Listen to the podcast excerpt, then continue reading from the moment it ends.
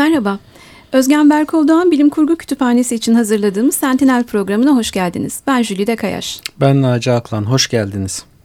Ee, bugün stüdyomuzda bir konuğumuz var. Yazar Selim Erdoğan'ı ağırlıyoruz. Hoş geldin Selim. Hoş bulduk. Hoş geldin. Hoş bulduk. Ee, her zamanki gibi hem kütüphaneden söz edeceğiz hem de daha sonrasında konuğumuzla e, yazdığı kitaplar, bilim kurgu ve diğer konular üzerinden sohbetimizi sürdüreceğiz. Sen de bize arada katılırsan. Sevinerek. Kütüphaneyle ilişkin var herhalde zaten gelip. Geldiğim oldu evet ama e, oturduğum yer, yaşadığım yerle ters e, bir yerde olduğu için e, çok sık gelebildiğimi söyleyemeyeceğim. Bundan sonra daha sık diye. Peki. Bekler, bekleriz diyelim. Sevinerek. Ee, geçtiğimiz son iki hafta neler oldu onlardan bir söz edelim. En son 22 Şubat'ta e, Galip Dursun'la yine bir Adjustment Bureau bir Hı -hı. film gösterimi oldu. Sen o, onu söylemiştim. Ee, yalnız orada bir şeyi atlamışım geçen hafta geçen sefer onu söylerken. E, Adjustment Bureau aslında bir Philip K. Dick hikayesinden uyarlama. Onun için de bilim kurgu. tamam onu da tamamlamış olduk. 1 Mart'ta e, Emrah Kalemci, Sabancı Üniversitesi'den Emrah Kalemci'yi konuk ettik. Uzay erişiminde yeni trendlerdi konu. E, katılımın oldukça yüksek olduğu bir sohbette hatta aramızda şunu konuştuk hani herkes neredeyse İstanbul'dan gideyim e, sahil kasabalarına gideyim bu ilgi çekerken bu uzay erişiminde yeni trendlerle hani dünyadan da gitme. Onunla acaba. Çabuk kaçalım buradan. bu Elon Musk'ın e, ürettiği dikey inebilen roketler tabii şeyi değiştirecek gibi görünüyor. E, bu alanda bir yepyeni bir devrim yaratacak gibi görünüyor. Çünkü maliyetleri e, çıkış maliyetlerini son derece e, çok büyük oranlarda aşağı çeken çok önemli bir gelişme hı hı. bence de. Ve bu gelişmeyle birlikte çok yüksek bir ivmeyle herhalde artacak bütün bu. Yani yörüngeye de bir, bir, bir süre sonra e, hakikaten e, oteller, şunlar bunlar görmek e, çok mümkün olacak gibi görünüyor. Çünkü e, maliyetlerin, fırlatma maliyetlerinin yanlış hatırlamıyorsam yüzde 60-%70'ini e, roketler oluşturuyor. Hı hı. O roketleri bir kere kullanabiliyorsunuz sonra. Evet uzay mekiğinde bile katı roketler tek kullanımlıktı.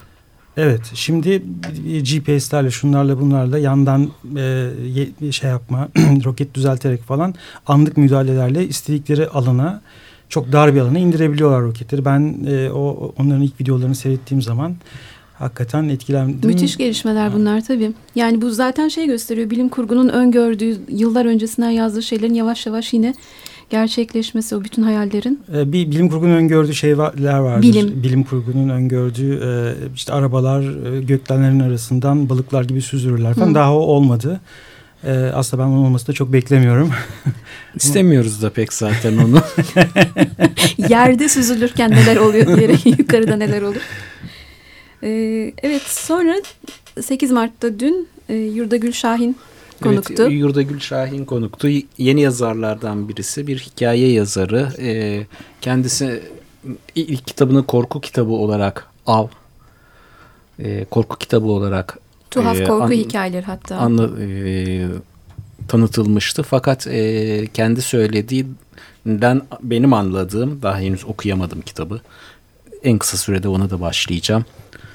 E, oradan anladığım bunun daha türler arası kısmen korku, kısmen fantazi, kısmen bilim kurgu öyle bir kitap olduğu ve e, Yurda Gül Hanım hemen peşine bir şey yazmış, e, çocuk kitabı da yazmış ve şu anda da bilim kurgu üzerine bir şeyler yazmaya başlamış. Hatta bilim kurgu kulübünün bir şeyi varmış. Hmm kadın yazarlar şeyi var. Orada da oraya da bir hikaye evet, yollayacak. Evet, Bilim Kurgu Kulübü e, Selim'in de bir öyküsünün yer aldığı Yeryüzü Müzesi'nden sonra bu 18. yıl Bilim Kurgu Kulübü'nün 18. yılı nedeniyle çıkarılan bir öykü seçkisiydi. Ondan sonra bir de yaz aylarında kadın bilim kurgu evet. yazarlarının öykülerinden oluşan bir seçki yayınlayacak. İtaki yayınlarıyla e, Yurdagül Şahin'in orada da bir öyküsü evet. yer alacak. E, ondan sonraki hafta 15 Mart'ta e, İTÜ'den Özlem Yılmaz konuğumuz olacak. Yapay zeka ve sinema üzerine bir sohbet olacak burada da. Ee, Ex Machina, Artificial Intelligence ve 2001 A Space Odyssey. Bu üç film üzerinden yapay zeka ve sinema ilişkisi tartışılacak. Hani bunda çok keyifli bir sohbet olacağını tahmin ediyorum. Hatta öncesinde bu üç filmi izlemeyenler izleyip gelebilir. Hatta izleyenler için çok daha ilginç e, çıkarımlar olabilir. Bunu hatırlatmış olalım. Güzel bir karşılaştırmalı konuşma olacak. Hı hı. Bu e, Space Odyssey'i zaten daha önce kütüphanede de Kütüphanede izlemiştik. de izlemiştik. Hatta e, galiba Ex Machina'yı da izleyip izlememeyi konuşmuştuk. O da Hı hı. kütüphanenin programı içinde olacak. Bu yıl olmazsa gelecek yıl falan. E, daha sonraki Ondan sonra da e, 22 Mart'ta Highlander 2 yani İskoçyalı 2 filmini şey yapacağız. Birincisi e, biraz bu, muallak ve fantazi kalıyordu ama ikinci de e, biraz da siberpunk bir uza, nedir dünyada geçen bir bilim kurgu hikayesiydi ikincisi. evet Bunun bunun için- Yine Galip Dursun bizimle birlikte olacak. Hı hı. Bunu izleyeceğiz. Senin var mıdır Highlander'larla alakan? Ee, yani yıllar önce izlediğim bir şey ama çok fazla iz bıraktığını söyleyemeyeceğim yani. Evet. Evet önümüzdeki haftalarında programını kısaca e, anmış olduk. E, evet Selim'e dönelim tekrar. Şimdi e, Selim Erdoğan'ın e, Nota Bene yayınlarından çıkmış dört kitabı var. Yanlış söylemiyorum Evet. herhalde. Hemen isimlerini sırasıyla söylersek. İlk önce 2084 e, bir dijital kara ütopya. Ardından e, Trinidad'ın dönüşü. Ardından Deniz Atı Vadisi ve en son yayınlanan da Gofer Ağacı. Ee, sıralama aslında çok doğru olmadı. ya bu sıralamaları ben... Deniz Eti Vadisi ilk yayınlanan Pardon. kitap. Ee, hı. sonra 2084 bir dijital kara ütopya. Ee, sonra Gofer Ağacı en son Trinidad'ın dönüşü yayınlandı. Bayağı karıştırmıştım durumdayım. O şeyden dolayı ilk yazmaya başladığın Evet 2080'de. yani yazım herhalde. sırası farklıydı. Ondan herhalde ben daha önce e, yayın öncesi yaptığım sohbete atfen. E, kısaca kendinden bir söz eder misin? Tamam. Ee, Selim Erdoğan.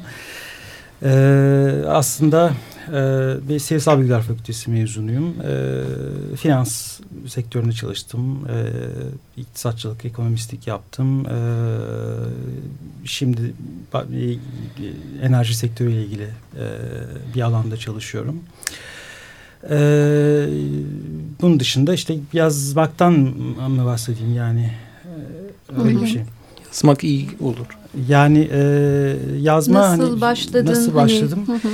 E, her zaman vardı zaten e, öğrencilik yıllarında da kendimi eğlendirmek için e, öyküler falan yazardım. E, ama roman yazma fikri e, 2084 ile başladı. İnternet teknolojilerinin çok hızlı ilerlediği bir dönemdi. 1990'ların sonlarıydı. Ben bu arada işte kognitif bilimle falan da e, ilgilendiğim için e, bu alanlarda okuyordum. E, internetin bir e, büyük biradere dönüşme potansiyeli olduğu fikri uyanmaya başlamıştı. O dönemde bugünkü gibi e, bugün çok söz edilen bir şey bu ama 1990'ların sonundaki internet Türkiye 1995 yılında falan girdi yanlış hatırlamıyorsam. Çok söz edilen bir şey de değildi. Şimdi e, herkesin e, e, ceplerinde e, bakılı telefonlar var. Bunlar e, insanların nereye gittiklerini takip ediyor, lokasyon takibi yapıyorlar, e, alışverişlerini takip ediyorlar ve bununla e, yaptığınız al- e, aramalar, arama motorlarında Google gibi bir yerlerde loglanıyor. Bunlara big data e, e, diyorlar ve big data analizi de çok büyük bir iş olmuş vaziyette. Şu anda IT sektöründe herkes bunun peşinde.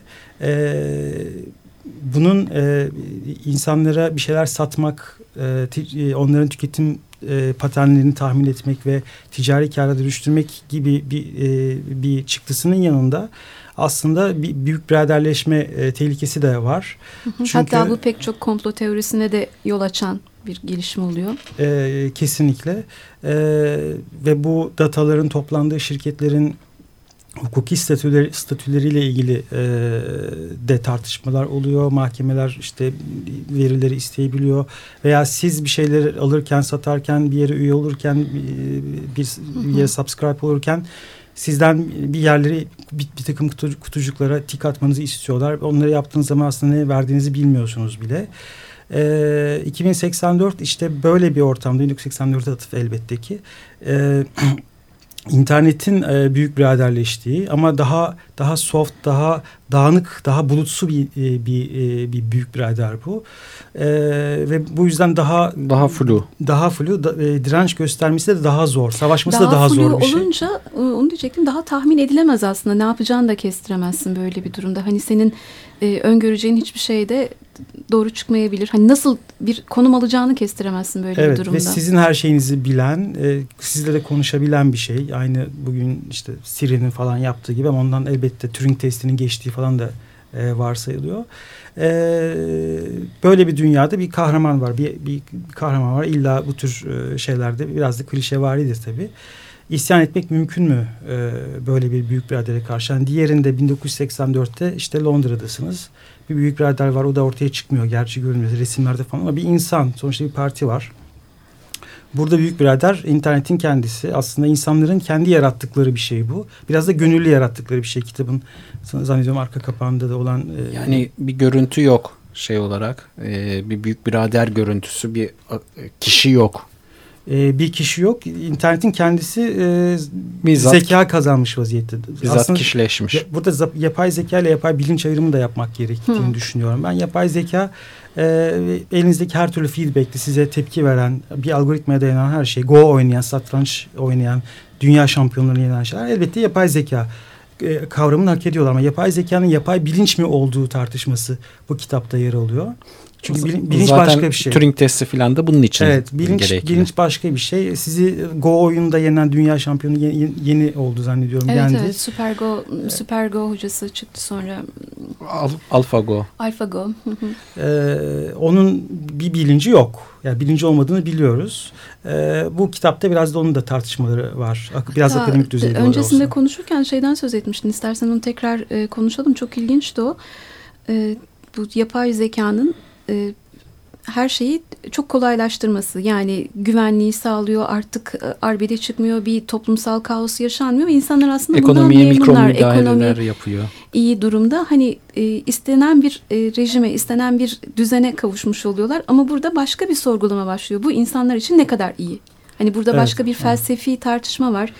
Evet yani e, sizin ne yaptığınızı bugün bile zaten e, bu big, big dataların toplandığı yerler e, merkezler. Sizin ne, ne aldığınızı, ne sattığınızı, nereye gittiğinizi, cuma günleri e, işte akşam saatlerinde ne yaptığınızı, hangi üründen sonra hangi ürünü aldığınızı biliyorlar aslında. Bunlar toplanmaya başlıyor bir yerlerde. Şu anda yaşadığımız bir şey bu. Bu yaşanan birebir, bir şey. Birebir. Kesinlikle. E, peki ekonomik krizler nasıl çıkıyor? E, ekonomik krizler illa işte bir şeyin olması, bir şeyin fazla birikmesi, ısınmasıyla da ortaya çıkmıyor. Ekonomik krizlerin insan beklentileriyle, beklentileriyle de ilgisi var. Beklentiler birden bozulursa Paul Krugman'ın görüşü ki ben katılıyorum buna. Ekonomik kriz ortaya çıkabiliyor. İnsanların kötümser beklentileri birbirlerini besleyerek. Bu durumda sen de insanları eğer manipüle edebiliyorsan, düzenleyebiliyorsan evet. onların davranışlarını ve beklentilerini istenen ekonomik krizi yaratabilir ya da önleyebilirsin. Önleyebilirsiniz. Burada önlüyor. Önlediği için insanlar ekonomik krizin olmadığı, stabil, işte gelecekten hep ümitli oldukları bir dünyada. Bir de güvenli bir dünya bu. Çünkü Hı. her tarafta reseptörler, her tarafta kameralar var e, biraz bu var şeydeki e, Minority Report'taki Hı. gibi belki önce, suçu önceden tahmin edebiliyor veya zaten kişiliğini biliyor çünkü neyi aradığını neyi, ne yaptığını biliyor. Kişiliğinin e, bütün profilini biliyor aslında. Bu dünyada insanlar buna biraz gönüllü olarak tabii teslim oluyorlar. Ee, böyle bir ortam 2084. Yani her şey sağlandığı zaman zaten insanların içinde çatışmanın bir şeyi kalmıyor, anlamı kalmıyor. Onlar da kenara çekiliyorlar. Evet. Politik sistemler de eriyor. Yasalar da daha ademi merkezi daha Yunan sitelerinde olduğu gibi oylanarak ama elbette bir ara birimin düzenlediği e, kanallardan geçerek e, e, uygulamaya geçiriliyor. E, erk de yani insana dayalı erk de aslında Eliza içinde eriyor. E, böyle bir ortamda bir kahraman isyanı aslında e, öbüründen Winston Smith'inkinden daha zor bir isyan muhtemelen. Peki başka bir şeyden gidelim. Bilim kurgu yazarı olarak görüyor musun kendini? Bilim kurguya yönelik düşüncelerin nedir? Bilim kurgu biraz e, bir anlamı, tanımı geniş e, e, bir kavram. E, çok uç örnekleri var. Yani e, işte robotlar savaşır ya da işte isyancı robotlar dünyayı ele geçirir. Bu bir, bir bilim kurgu e, temasıdır. Ya da işte Stanislav Lem e, gibi e, işte bir e, yabancı yabancı bir bilinç insan bilincinin anlayabileceği bir şey midir?